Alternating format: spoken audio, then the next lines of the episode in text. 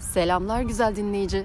Bu podcastlerde kaliteli mikrofon, pürüzsüz bir kayıt ve yılların radyocusu kıvamında bir hitabet bulamayacaksın. Ama neyle karşı karşıya olduğunu söyleyeyim. Bolca doğa sesi.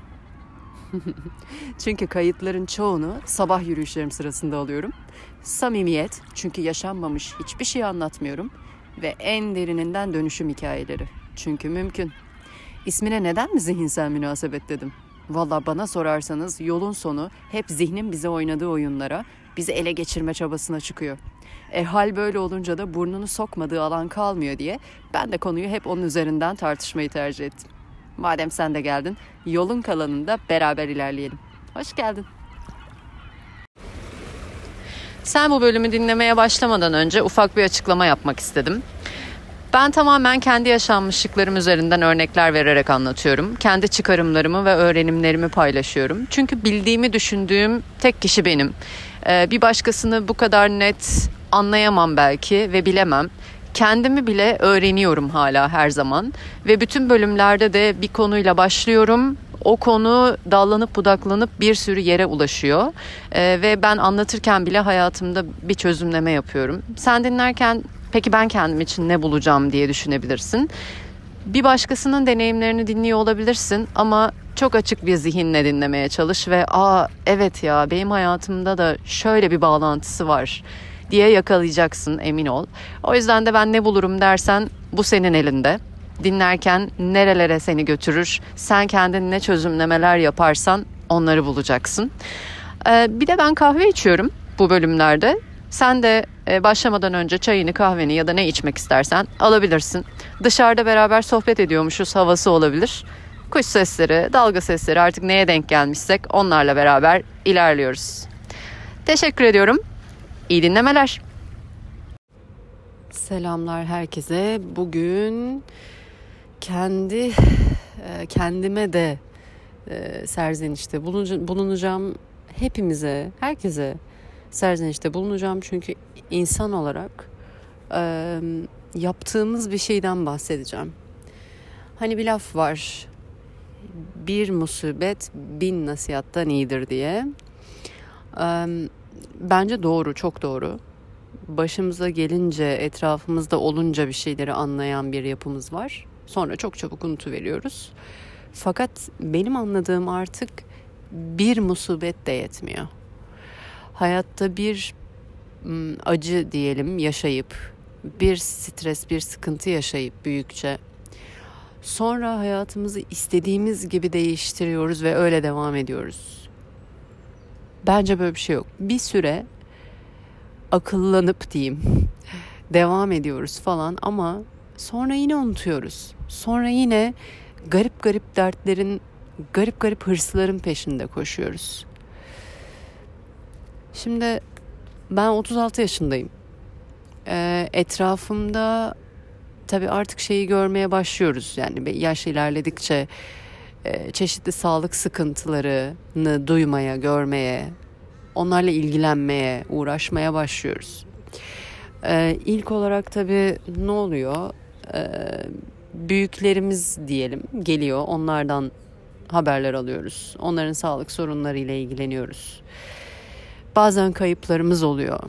Ee, bu noktada zaten hep ateş düştüğü yeri yakıyor ama yine de işte hani arkadaşlarımıza destek oluyoruz. Eğer kendi büyüklerimizden birini kaybettiysek onun acısı çok daha fazla. Fakat şöyle bir kafaya girmiyor muyuz? Yani hayatını yaşadı bu yaşa kadar. Sonra böyle kendimizi avutur hale geliyoruz ya yani bir, bir yerden sonra da zaten ne olacaktı? Ne kadar devam edecekti ki? Yani normalleştiriyoruz böyle. Ee, ve bir hayatın bitmesinden kendimize ders çıkartamıyoruz. Ee, şöyle geliyor bize. Onun yaşına geldiğimde düşünürüm. Sanki belli bir sırayla uğruyormuş gibi sağlık sorunları ya da ölümler. Unutu veriyoruz onu, geçiyoruz. Sonra e, yavaş yavaş o beklemediğimiz yaşlara doğru inen problemler oluyor. etrafımızda oluyor, bizde oluyor, bazen de bizden küçüklerde de oluyor. Belki de o en zorlandığımız kısım zaten. Ee, ben ben e, sırt ve boyun ağrıları, işte sık sık boyun tutulması problemleriyle doktora gitmiştim geçen sene. Ee, bana dedi ki doktor işte uzun süre masada oturup iş yapıyor musunuz? Yo dedim aksine yani ben kendi işimi yaptığım için böyle saatlerce ofiste masa başında olmama gerek yok. Hatta dedim yürüyüş yapıyorum her gün. Şimdi oradan tutturamayınca doktor dedi ki ne kadar yürüyorsunuz? Valla yani ne bileyim iki saat, iki buçuk saat, bazen üç saat. Aa çok fazla. Ee, oturmak da fazlaydı. Yürüyüş de fazla geldi. Çünkü bana şunu söyledi. İşte 35'ten sonra vücut çöküşe geçer. Oo dedim biraz erken değil mi ya? Yani nasıl çöküşe geçer? Tabii işte bunun dereceleri var. Ee, çöküşe geçer demek e, şey demek değil. Yani bitti hayatın, gitti, çok az kaldı falan demek değil tabii ki. Ama yavaş yavaş artık bu sıkıntıları e, alacaksın yaşayacaksın. Kendine dikkat etmeye başla demek. Bana da diyor ki madem o kadar yürüyorsun anlamıştır herhalde adam işte bu kesin bir yerlere tırmanıp bir yerlerden atlıyordur da falan. Ondan sonra dedi işte böyle şeyler yapma yok arabada giderken ani fren yapmayın. Ee, yani boynu zorlayacak şeyler yapmayın falan filan eyvallah. Bir de fizik tedavi verdi ki hiç gitmedim. Ee, bu da bir problem işte. Yani mesela ha sırtımda da yani sırtımda değil tabii omurgamda da e, hafif bir skolyoz çıktı. E, yani söylüyor bana bir şey. Aslında bir musibetim var. Nur topu gibi bir pardon musibetim var. Ee, ve ben ne yaptım? yani gerçekten işte bütün bir ağaca tırmanmasam da kısmen tırmanmaya devam ediyorum. E, aşağı inmek için atlamak gerekiyor. Eskisi kadar olmasa da bunları yapıyorum. E, ve tedaviye de gitmedim. Ha bu arada son bir senedir e, azalttığım kaygılar, e, hayata farklı bakış açısıyla mesela boyun tutulması da yaşamıyorum. Yani bunların sinirsel bir yanı olduğu, ruhsal bir yanı da olduğu çok net zaten. Ee, ve ben o noktada kendimi en azından o tarafı iyileştirdim. Hani fiziksel olarak bir e, aksiyonda bulunmasam da e, zihinsel ve ruhsal olarak kendimi iyileştirdiğim için oradan bir yansıması oldu. Ha bu günün birinde e, daha kötü, daha ilerlemiş şekilde karşıma çıkacaktır elbet. İşte ne diyorum? Akıllanmıyoruz. Ee, şimdi bazı örnekler var benim de etrafımda. Mesela iş. İş bunların en yaygını yani 100 kişiye sorsak var diye öyle bir yarışma. 100 kişiye sorsak herhalde en az 90'ı belki daha bile yüksektir o oran. Hayatınızdaki öncelikleriniz neler kısmında hadi 90 demeyelim abartmayalım belki işte sağlık diyecek aile diyecek pandemi olmasaydı kesinlikle çok yüksek oranda iş diyen olacaktı. Pandemi bize bir şeyleri öğretti. Ha iki sene başladığından bu yana iki sene geçti. Ne yaptık? Ne oldu? Mesela ne anlattı yani? Sevdiklerimizle beraber olmanın ne kadar iyi olduğunu anlattı. Evet ne kadar sık görüşüyoruz şimdi? Ailemizin özellikle yaşları ilerledikçe değerini bildik. Ne kadar sık arıyoruz şimdi? Hayallerimizi gerçekleştirmenin, bir yerlere git, gidebilmenin, e, sevdiğimiz şeyi yapabilmenin yani özgürlük onların değerini anladık da ne kadar hayalimizin peşinden koştuk ya da koşuyoruz şu anda. Niye iş dedim? Çünkü e, ön sıraya koyuyoruz. Hadi ekonomik durum buna sebep oluyor olabilir. Ama e, şöyle bir şey var. E, bulun yani bulunduğumuz ve yaptığım bulunduğumuz ortama ve yaptığımız şeye zorunda değiliz. Biz suçu uzaklaştırıyoruz. Ya işte ekonomi kötü, ya hayat şartları, ya ne yapayım para lazım. Ya soru bu değil ki. Soru işini seviyor musun? Sevdiğin şeyi yapıyor musun? Bu sana bir değer katıyor mu? Hayallerinle bağdaşıyor mu? Soru bu. Ya, hayat işte para lazım. Yahu hayaline giden yolda gitsen para da gelecek. Yani şu anda nasıl bütün enerjini bu sevmediğin şeye harcıyorsan ve para alıyorsan bir de sevdiğin şeye enerji harcadığını düşün. Eksik parçayı da tamamlamış oluyorsun. Neyse bu konunun detayı. Ama dediğim şu etrafımda şu var. Para için değil mesela. Tatmin duygusu. Eyvallah işinden tatmin duygusunu alıyorsan tabii ki çalış. Da mesela çok yakın bir arkadaşım o da bunu dinleyecektir. Kusura bakmasın. İsmini vermeden anlatıyorum ama.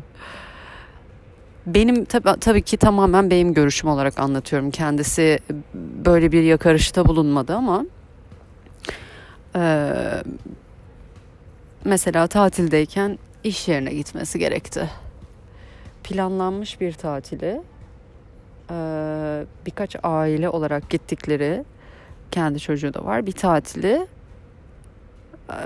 bırakıp işine döndü. Şimdi bazı noktalarda yapılması gereken gereken çok elzem şeyler olabilir. Ama ben artık şöyle bakıyorum. Şirket yanıyor muydu? Tek kurtarıcı sen miydin? Ve sen e, orada olmadığında bitecek bir şirket mi? Zaten böyle bir durum varsa orada da bir tuhaflık var. Bir kişiye bağlı ayakta kalan bir şirket yani. Zaten bir şirket benim işim mesela ben ben bir şey yapmasam benim işim ilerlemez değil mi? Olmaz. Tek kişiyim çünkü zaten. Ama hani benim aklım şunu almadı mesela. Artık almıyor. Eskiden bana 10 yıl önce sorsanız ben de ya evet dönmek gerekiyorsa dön, döneriz canım derdim. Ama bütün hayal ettiğim, planladığın, zaten zar zor planladığın ve içerisinde baya bir insanın da olduğu, çocukların olduğu, neşeli, böyle keyifli bir anı bırakıyorsun. Niye? işten çağırdılar. E şimdi hayattaki öncelikler, keyif aldıkların, bir daha o geri gelmeyecek anlar. Mesela bu çok acı veriyor bana. Bir daha o an geri gelmeyecek. Yani muadilini bulursun. Bir tatil daha yaratırsın. Bir şeyler daha yaparsın falan telafi etmeye çalışırsın ama o sırada gitti. Ben mesela şunu da düşünüyorum artık. Benim çocuğum yok ama ee, çocuklar üzerine de çok araştırma yapıyorum ve kendi tabii çocukluğumu da düşünerek bir şeyler e, anlamaya çalışıyorum. Ee, bir yandan da uzak olduğum hmm, canlılar, çocuklar ee, ve o hani o arayı kapatmak istiyorum. Neden uzağım? Ben bir şeyden hani kaçıyor muyum anlamıyorum anlaşamıyorum falan diyorum vesaire ama kendimle ilgili acaba uzak tuttuğum bir şey mi var falan diye bakarken çocukları çok inceliyorum yani ve sünger gibiler. Her şeyi çekiyorlar. Kendi çocukluğumu hatırlıyorum ben de öyle ailemden o kadar çok şey almışım ki tabii ki. Rol model olarak onları görüyorum doğru ya da yanlış tartmadan. Ve bazı olan olaylar, bazı sözler bunlar iz bırakıyor ve yıllar sonra bir anda karşına çıkıyor.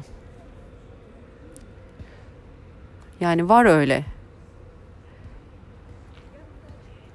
26 yıl sonra ha dediğim şeyler de var benim. E şimdi o arkadaşıma örnek verdiğim için söylüyorum. Yani dinleyecekse alınarak dinlemesin lütfen. Anlamaya çalışsın. Belki de kendi çocuğu da ya bir tatile gitmiştik. O kadar eğlenceliydi ki ama annem döndü. Annem iş için dönmek durumunda kaldı. Dönmek durumunda kaldı diyecek şu anda. Büyüdüğünde diyecek ki ha dönmeyi seçmiş ya. e şimdi yani hani se anlamıştık sevdiklerimiz çok önemliydi. Hayatımızda tercih edebilmek, tercih ettiklerimizi yapabilmek çok önemliydi. Hala bir musibet yaşamadığımız için, hala yapabildiğimiz için, gücümüz olduğu için devam ediyoruz anlamadan. Devam ediyoruz önemsemeden.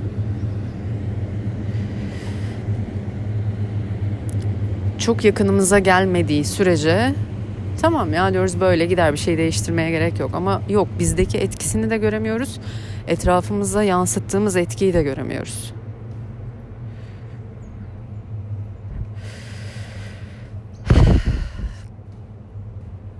Çok yakın bir arkadaşım gerçekten hayat mücadelesi verdi. Ee, hala da veriyor aslında. Benimle yaşıt. yani daha ne kadar yakına gelebilir. Hem yaş olarak aynıyız, hem arkadaşım, yakın arkadaşım. Ondan öte bana gelmesi lazım bir şeyin. Ama ne yapıyorum? Ben de mesela yakın zamana kadar olmayan şeylere, yapamadıklarıma, e, sanki başkası ana şeydeymiş gibi, başroldeymiş gibi gerçekleşmeyen hayallere kaygı duyup duruyordum. Şimdi gerçekleştirmediğim bile demiyorum mesela gerçekleşmeyen. Ya ben hayali kurdum işte bir de ben mi uğraşacağım? Değil mi? Sanki böyle bir tavırdayız. Sanki başka biri onu yerine getirecek. Bunlara kaygılanıp duruyordum. Bir şeylere söyleniyordum. Sonra kafama dank ediyordu tabii. İnsan o kadar yoğun çalışınca kendi zihni üzerine de kendi ruhsal durumu üzerine de bir gel git yaşıyorsun yani takılıp kalmıyorsun o kaygılarda. Anlık olarak çıkıyorsun ama tekrar unutuyorum işte. Ve bunu hepimiz yapıyoruz. Unutuyoruz.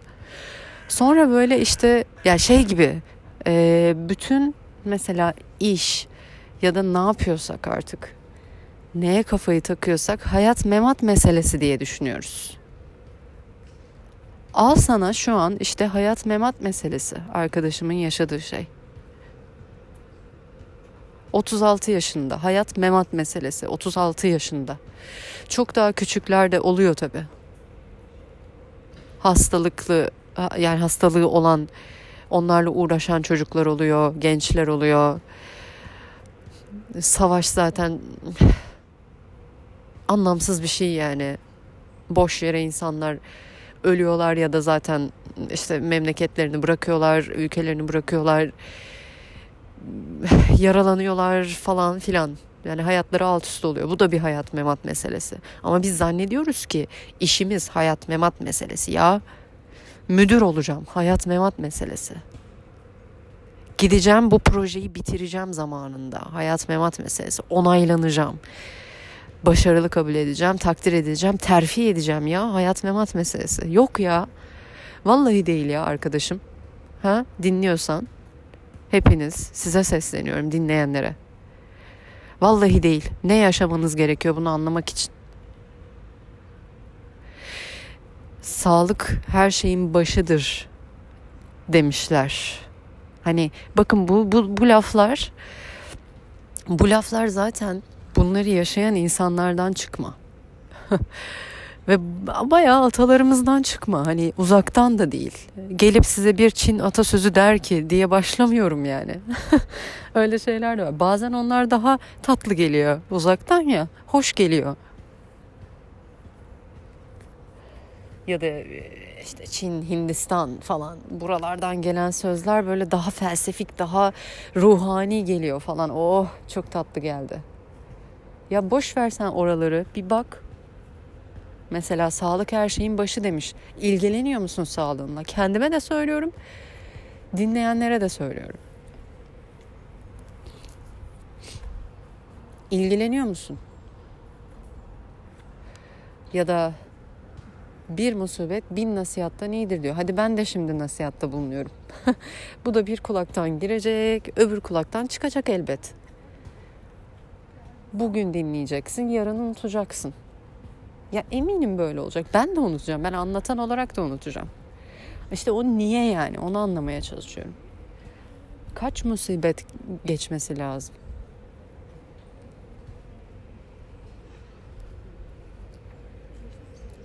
Ya da bu musibetin dereceleri mi var?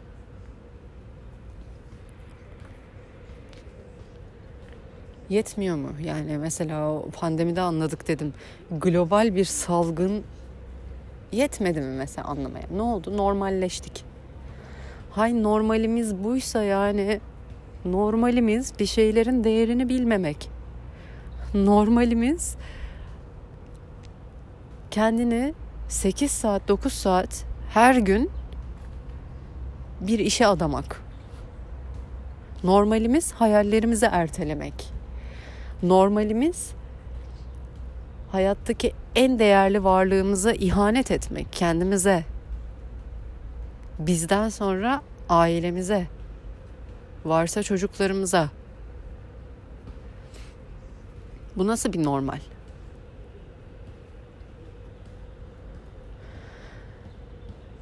Yani özellikle o kapanma sürecinde pandemi sebebiyle herkes kendine dönebildi ya.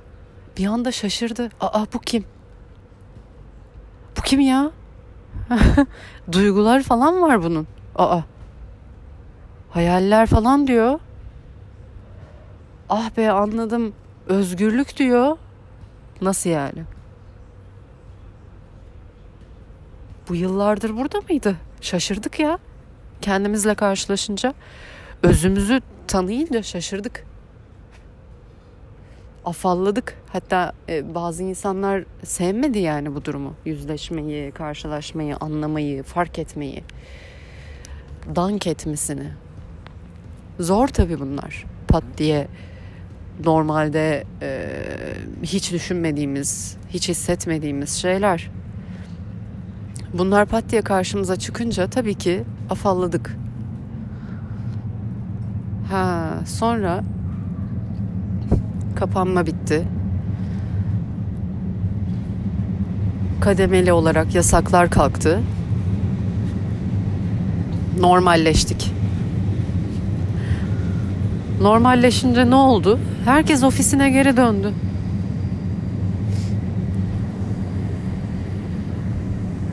Çünkü normal olan buydu. Bildik olan, tanıdık olan bildik olan, tanıdık olan aynı yerde hareket etmeden, hiç hayal kurmadan çürümekti. E, sonra kolunun düştüğünü anladığında böyle hani kolun erimiş, çürümüş artık düştü. Onun düştüğünü anladığında aa ben ne yapıyorum hay Allah musibete bak. Dedik sonra dedik ya neyse sağ kolum duruyor ya. bu kadar hızlı unutuveriyoruz anlam yüklediğimiz şeyleri. Neden? Bunu gerçekten merak ediyorum. Nedenini merak ediyorum. Nasıl oluyor? Ne oluyor yani? Hani insan denilen varlık sosyal bir varlık. Başkalarına ihtiyacı var. Bir arada olmayı sever. Ee, ne bileyim paylaşmayı sever falan filandı ya.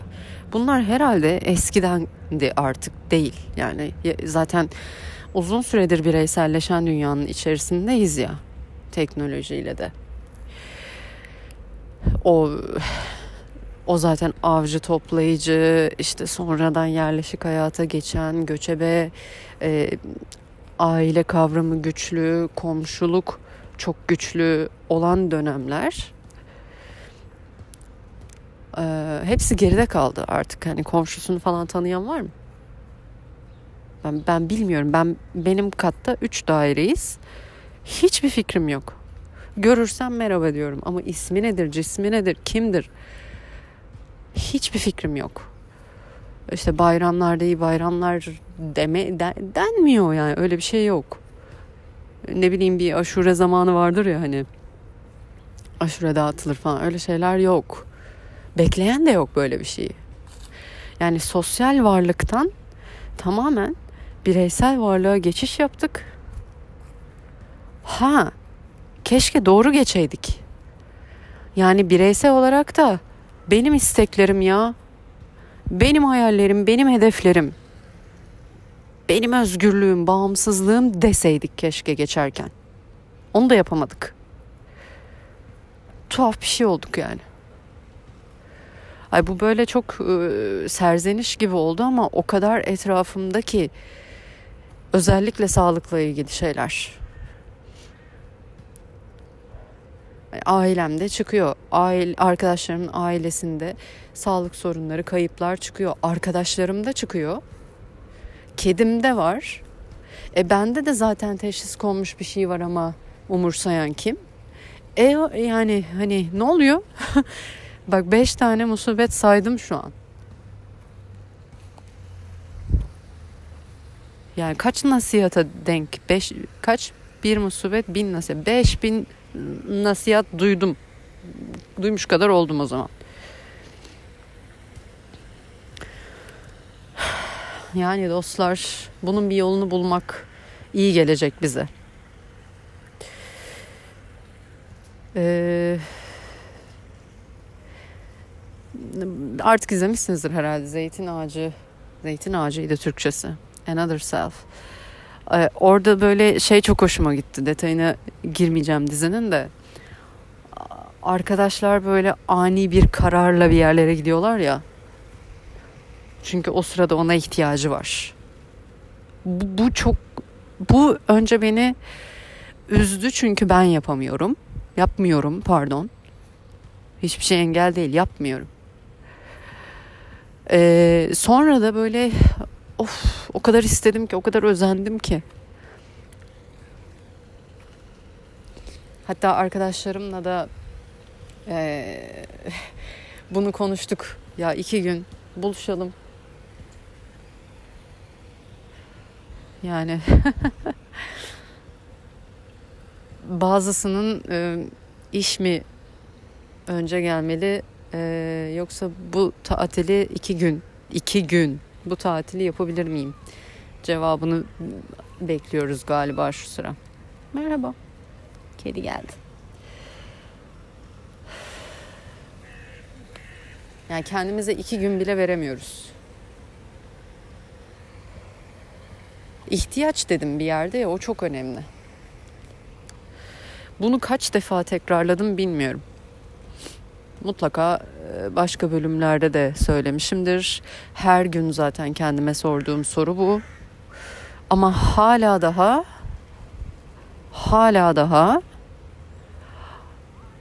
e, hayallerimden kayıyor rotam diyorum. Bakın her gün her gün ya kendime bugün neye ihtiyacım var diye soruyorum ben uyandığımda.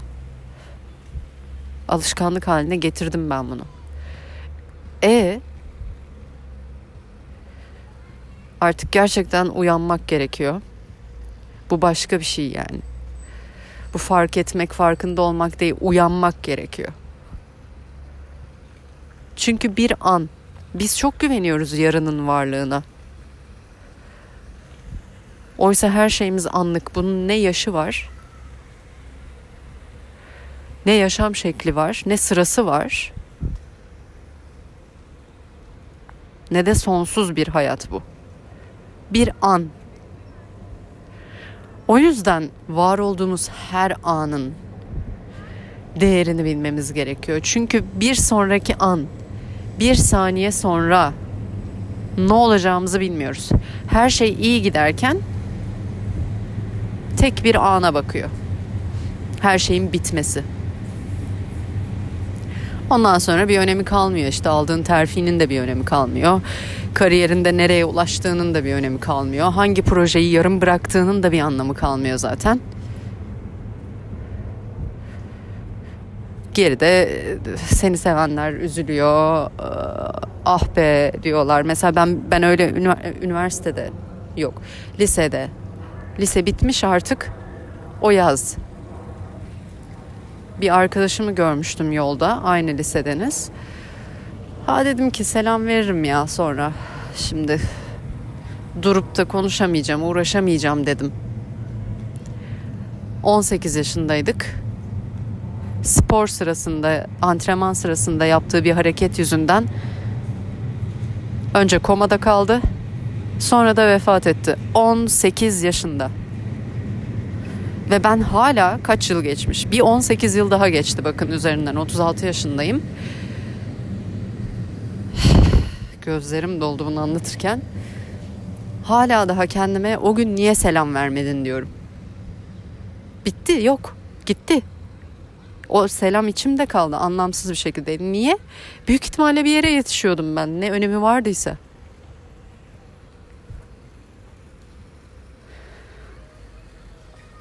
Evet.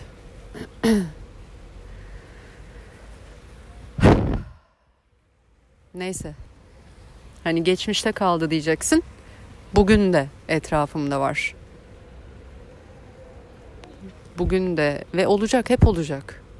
Çok daha kötüleri bile olabilir. Bunların olmasını beklemeye gerek yok uyanmak için, anlamak için. Lütfen herkese söylüyorum. Değerini bilelim ya gerçekten ruhumuza dokunan şeylerin değerini bilelim. Ha derseniz ki benim ruhuma dokunan şey işim ya başka bir şey yok. İyi eyvallah o zaman sen de işine bak. Tamam. Zaten buna kimse karışamaz yani. Herkesin hayatı kendine. Ama gerçekten bir bak. Senin için değerli olan ne? Bir saniye sonra kaybettiğinde kaybetsen neye üzülürsün? Böyle düşünün. Hadi bu soruyla bırakıyorum sizi. Bir saniye sonra elinizden kayıp gitse neye üzülürsünüz? Demek ki o sizin için değerli.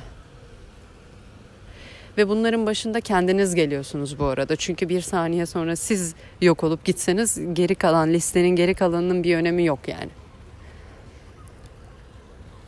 Ama listede devamında ne var? Bir sıralayın, bir önceliklendirin hayatınızda değer verdiğiniz şeyleri.